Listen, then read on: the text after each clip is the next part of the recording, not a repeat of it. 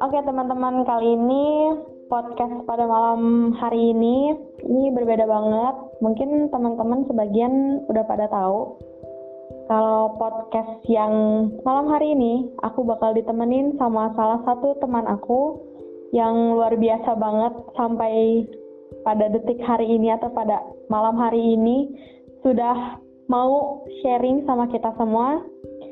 Mungkin bisa kita langsung sambut aja ya. Ini dia. Erna, halo Erna, Assalamualaikum. Waalaikumsalam warahmatullahi wabarakatuh. Gimana nih nak kabarnya? Alhamdulillah sehat walafiat. Teteh gimana? Alhamdulillah baik selalu, insya Allah. Nina, jadi pada malam hari ini aku bakal sharing sama teman-teman by Faiza Podcast uh, Erna yang sekarang sudah menikah dan memantapkan diri Erna untuk menikah muda.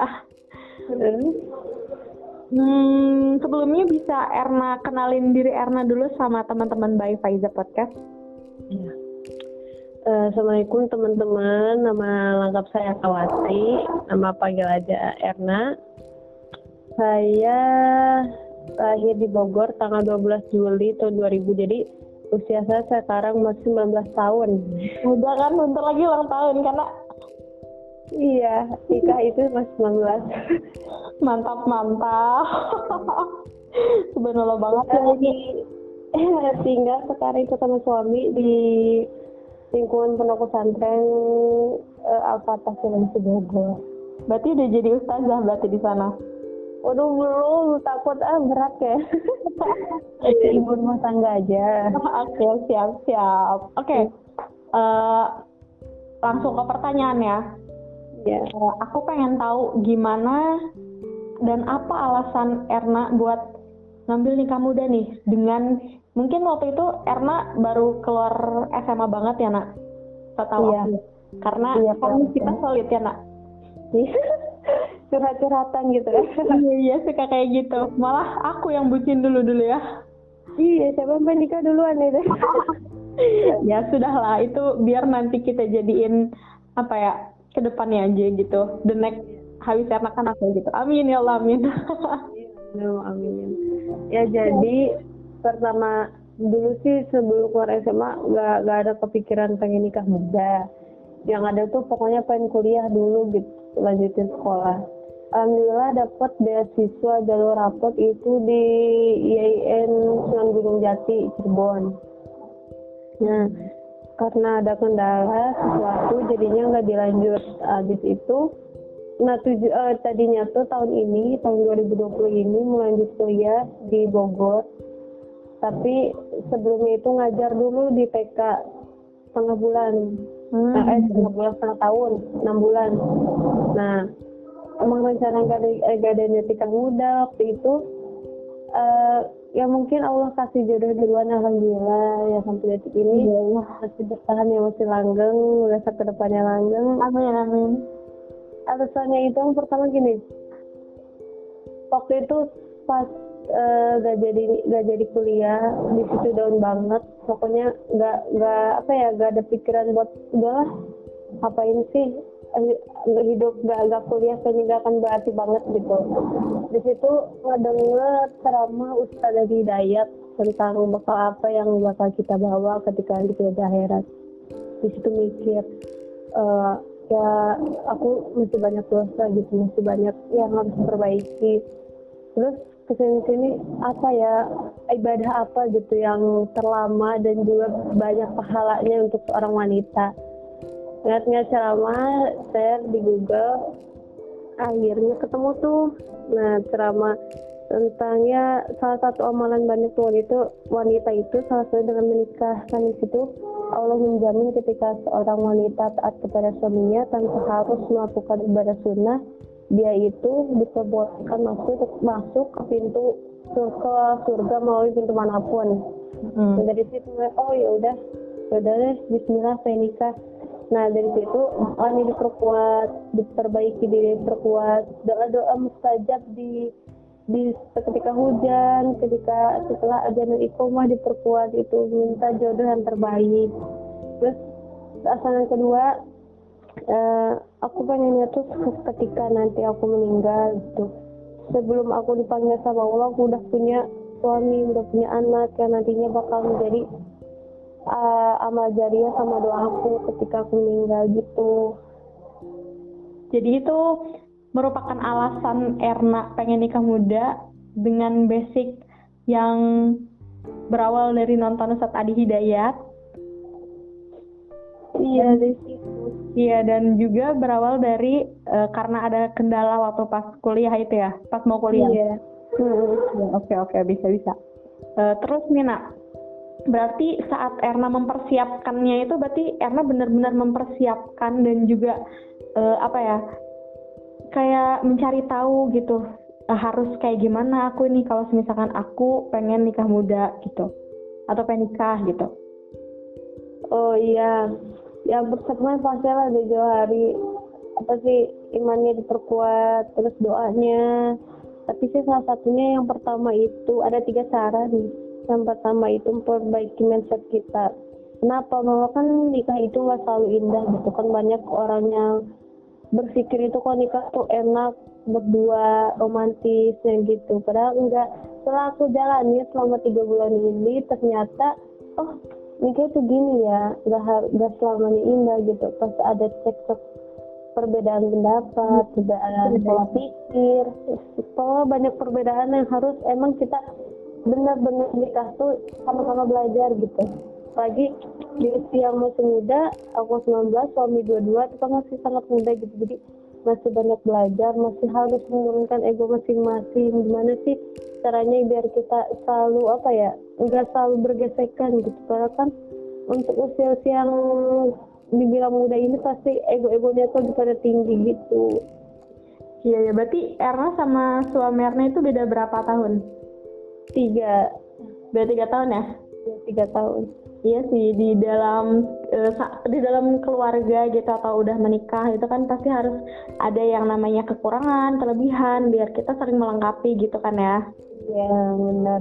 Kalau sempurna dua-duanya ya nggak akan Allah jodohkan ya, kan jarang ada yang nggak akan seru kalau iya, nikah terus terus terus. Iya makanya bener banget bener banget tuh buat teman-teman semua yang lagi ngedengerin jangan lupa nikah itu nggak selamanya indah teman-teman Hmm, betul. Oke, lanjut ke pertanyaan kedua nih dari aku. Terus gini ya nak, akhir-akhir ini kan lagi banyak ngetren yang namanya nikah muda, nikah ya nikah-nikah kayak gitulah nikah-nikah yang under 25 tahun yang masih dibilang yeah. muda gitu kan. Menurut Erna, tanggapan Erna orang-orang yang nikah muda itu seperti apa sih? Menurut saya tergantung ya. Soalnya tergantung gimana ketika seorang itu uh, mampu menjaga imannya tanpa menikah muda. Maksudnya dia mampu menjaga imannya dengan dia fokus kuliah fokus karir itu nggak apa-apa nggak masalah. Uh, yang penting apa ya dia mampu menjaga iman nafsunya gitu sahwatnya itu bagus juga.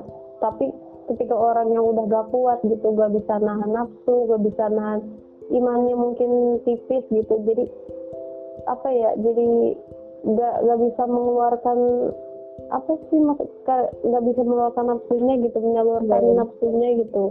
Ya lebih baik menikah menikah lebih baik. Untuknya berarti nggak ada salahnya gitu orang-orang yang nikah muda dan dia yang sudah siap gitu kan? Iya yang siap secara mental secara fisik secara lahir batin lah intinya mm-hmm. ada salahnya buat mereka yang nikah muda gitu kan Iya enggak. Nggak ada salahnya. Kita muda itu lebih baik. Iya daripada pacaran ya Naya. Daripada pacaran. Iya, kalau pacaran itu digantung nih jodoh, jodoh gak tahu. Kalau jodoh ya ya alhamdulillah gitu. Kalau nggak jodoh ya kita malah sakit hati gitu kan ya. Mm -mm. Mm -mm.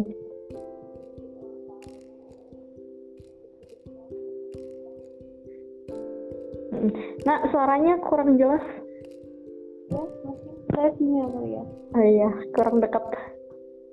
Oke, itu berarti tanggapannya lebih baik menikah daripada pacaran gitu ya?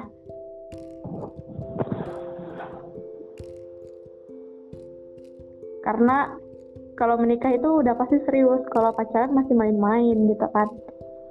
Iya masih apa pipi pipi deh kalau kata anak santri mah.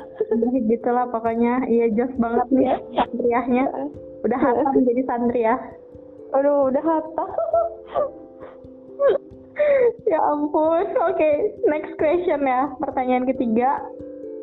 Sebelum Erna nikah, pasti dong kita tuh kayak punya list-listan suami kita tuh pengen kayak gimana gitu kan misalkan ya kalau anak-anak milenial yang mungkin jauh dari kata agama dia pengen suami yang cakep yang soleh ya yang soleh yang kaya gitu kan yang berpenghasilan gitu yang punya rumah yang punya mobil pokoknya terukur dengan harta gitu kan harta dunia gitu kalau Erna nih sebelum menikah itu kriteria suami Erna itu yang seperti apa? Oh, dulu ya karena buku diari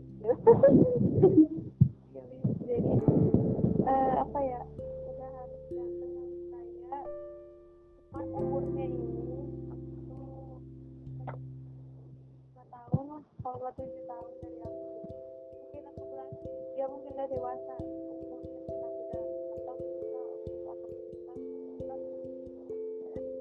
Erna kurang deket ininya mic-nya. Mic-nya? Nah ya kurang deket. Kedengeran? Kedengeran. Jelas jelas. Oke lanjut. Aku tuh kayaknya tuh beda lima tahun. Iya. Yeah. tahun. Karena yang satu kan dua lima atau dua udah dewasa gitu. Mm.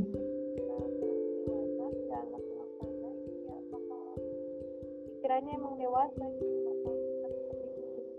yang masih muda gitu pikiran gitu. Ternyata emang uh, kedewasaan itu nggak harus di, di diukur dengan usia gitu. Tergantung pola pikir pola pikirnya aja. Iya. Oke okay, berarti dulu kriteria RT itu yang usianya dewasa gitu kan? Maksudnya iya. 27 tahun supaya dia dewasa gitu kan iya kalau ganteng atau kaya sih nggak terlalu soalnya kalau kaya kan kita enaknya berjuang dari nol sama-sama nah, iya, nikmati nanti bareng-bareng gitu. Ya aku setuju. Aku setuju. Lebih baik merintis gitu ya. Kalau udah nikah tuh enak yeah. kita supaya kita itu bertukar pikiran. Ini kita yeah. lagi nggak ada uang keuangan nih misalkan ya. Uh, enaknya kita ngapain nih gitu kan? Iya. Saling sama-sama ngerasain suka dukanya bakal jadi kenangan banget gitu. Nah, itu bener banget sih, sumpah. Ini aku denger sambil ketawa-ketawa sendiri nggak apa-apa ya. Iya nggak apa-apa. Ya siapa tahu kan, ini kan udah sharing-sharing, siapa tahu didekatkan jodohnya. Amin, Allahumma amin. Semoga cepat. Amin, amin. Oke, oke okay, Erna. The next question yang pertanyaan keempat, mungkin uh, Erna bisa kasih sedikit tips buat orang-orang di luaran sana itu harus seperti apa jika ia pengen nikah muda apa yang harus dipersiapkan kayak gitu. Yang pertama itu niat ya. Niat kita pengen nikah muda itu apa? Apakah karena Allah atau emang cuma pengen ya tadi kayak ngikutin tren lagi tren nikah muda ih tren nikah muda kan niatnya udah salah gitu. Jadi niat dulu terus abis gitu perbaiki diri. Perbaiki diri itu penting soalnya ketika kita meminta sama Allah yang soleh yang baik otomatis kita harus mensolehkan mensolehkan diri kita juga biar sinkron gitu. Karena kan nggak mungkin yang baik dijodohinnya ada sih sama yang jelek tapi kan dia juga nanti bertahap bakal ikut baik gitu. Jadi lebih baik yang lebih baik itu memperbaiki diri karena jodoh itu sesuai cerminan kita. Kerasa banget sekarang jodoh itu cerminan kita. Nah yang kedua itu perbaiki mindset. Mindset bahwa ya seperti tadi nikah itu gak selamanya indah. Jadi memperbaiki mindset sentimental. Siap gak nih kita nikah muda? Dengan segala rangkaian suka dukanya perbedaan pendapat dan pola pikirnya siap nggak kita ngalamin itu gitu Nah yang ketiga itu nikah itu baik. Maka caranya cara menjemputnya juga harus baik. Maksudnya kan sesuai tuntunan syariat juga. Kan kebanyakan an untuk anak-anak zaman sekarang ini mengartikan bahwa menikah mereka itu dari pacaran secara islami. Contohnya kan sholat gitu. Itu kan nggak nggak sesuai banget gitu. Yeah, yeah. sama ini sama apa? Sama dengan Islam. Kalau taruh taruh itu kita harus tahu kan kepribadian calon pasangan kita. Dengan apa nanya? Dengan kita cari tahu kepribadian dia ya ke kepribadian calon pasangan kita itu dari orang-orang terdekat dia gitu.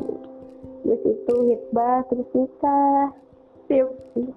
mantep ya berarti uh, kalau kita ingin menjemput jodoh kita yang baik, itu berarti caranya juga harus dengan cara yang baik ya, dengan kita menjaga diri, terus dengan kita tidak berholwat atau tidak berpacaran, kayak gitu kan?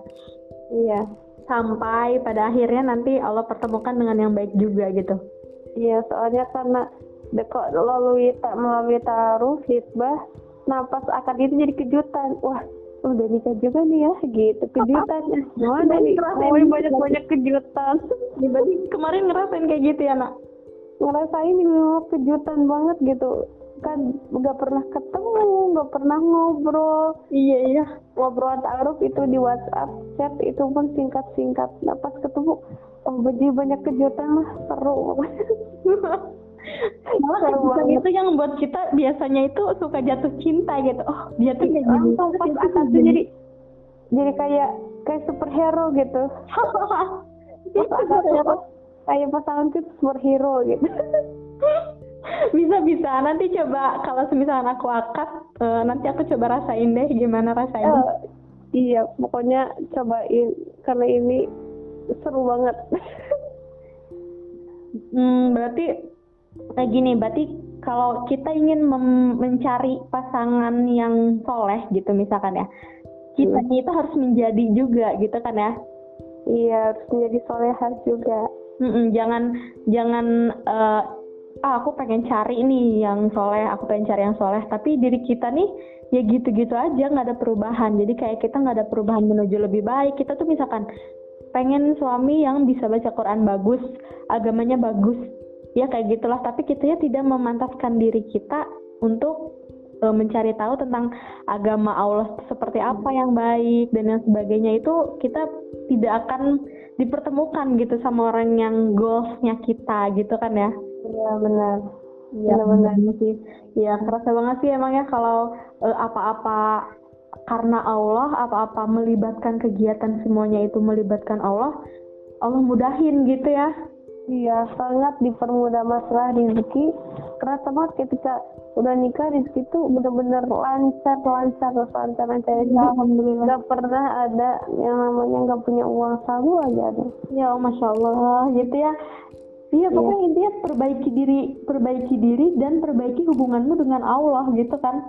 Maka Allah akan permudah segalanya. Nah, bener itu kuncinya sih sebenarnya. Oke, nggak kerasa nih kita bisa bincang udah berapa jam nih, udah berapa jam ya ampun, udah 18 menit aja.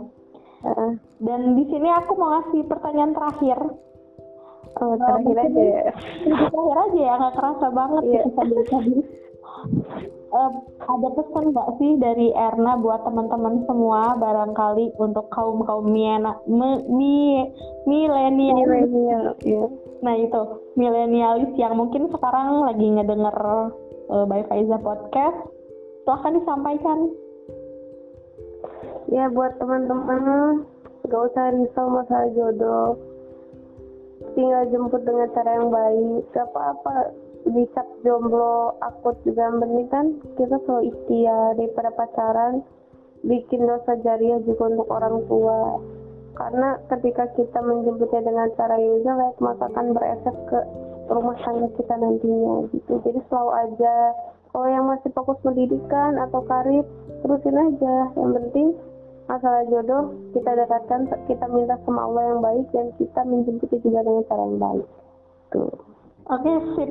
Mantap banget sih ini kita dari tadi bincang-bincang tentang ini. Karena memang yang sedang banyak dialami oleh kaum milenialis itu tidak tahunya mereka untuk menjemput jodoh atau nikah muda gitu Hmm. takut ada nikah muda yang salah nikah muda karena maaf ya de- hamil di luar nikah gitu kan Hmm. nikah muda yang eh, karena dia apa ya hmm, ya pokoknya banyak deh caranya yang salah gitu nikah mudanya Ya, rata-rata kan zaman sekarang nggak punya pacar galau. Iya, iya Gitu. benar nggak punya pacar status Facebooknya penuh gitu kan sama foto Iya. di air mata gitu. Ya, biasanya anak-anak kayak gitu tuh yang masya Allah banget harus diedukasi sih sebenarnya. Harus diamankan. Ya, harus diamankan juga itu harus dikesampingkan gitu, Eh, benar. tembaknya. kayak gitu ya ampun. Terus semoga Hmm. bermanfaat banget ya nak eh, podcast Amin, kita amin, malam amin. Makasih banget loh Nak udah mau sharing-sharing sama teman-teman semua, main-main sering ke Asromo ya. Iya, insya Allah. Kalau suami ada waktu luang. Jangan sombong-sombong gitu udah punya suami nggak ke Asromo. Ya, Allah. Lagi nyari-nyari waktu luang suami nih. Lagi kan masuk. Ditunggu ya nanti eh, nikahan aku jangan lupa datang ya. Yang pasti Insya Allah. kalau nggak Sabtu, Minggu, Senin, Selasa, Rabu, Kamis, Jumat. Kalau nggak besok. Aduh besok, besok, besok, besok kan nggak tahu kapan gitu ya. Iya. Amin, semoga dipermudah sama Allah. Amin, ya Allah, amin ya Allah. Makasih banget ya, Ya, buat-. Iya. Salam buat suami dan keluarga Erna. Iya. Ya, sehat-sehat selalu, jangan lupa pakai masker. Hmm. Salam buat keluarga juga di rumah di Asromo, teman-teman semua. Ya. Para jomblo sekarang malam minggu nih. Oh, iya sekarang malam minggu pas banget kita Iya. bahas ini ya. Oke, mungkin teman-teman by Faiza Podcast sekian eh, curcol atau sharing kita pada malam hari ini dengan Ernawati, teman aku dari SMP atau SMA. Ini dia selalu nemenin aku setiap hari, selalu curhat-curhat pokoknya teman-teman curhat. Ditunggu next podcastnya kita bahas apa lagi bisa kalian DM. Terima kasih. Makasih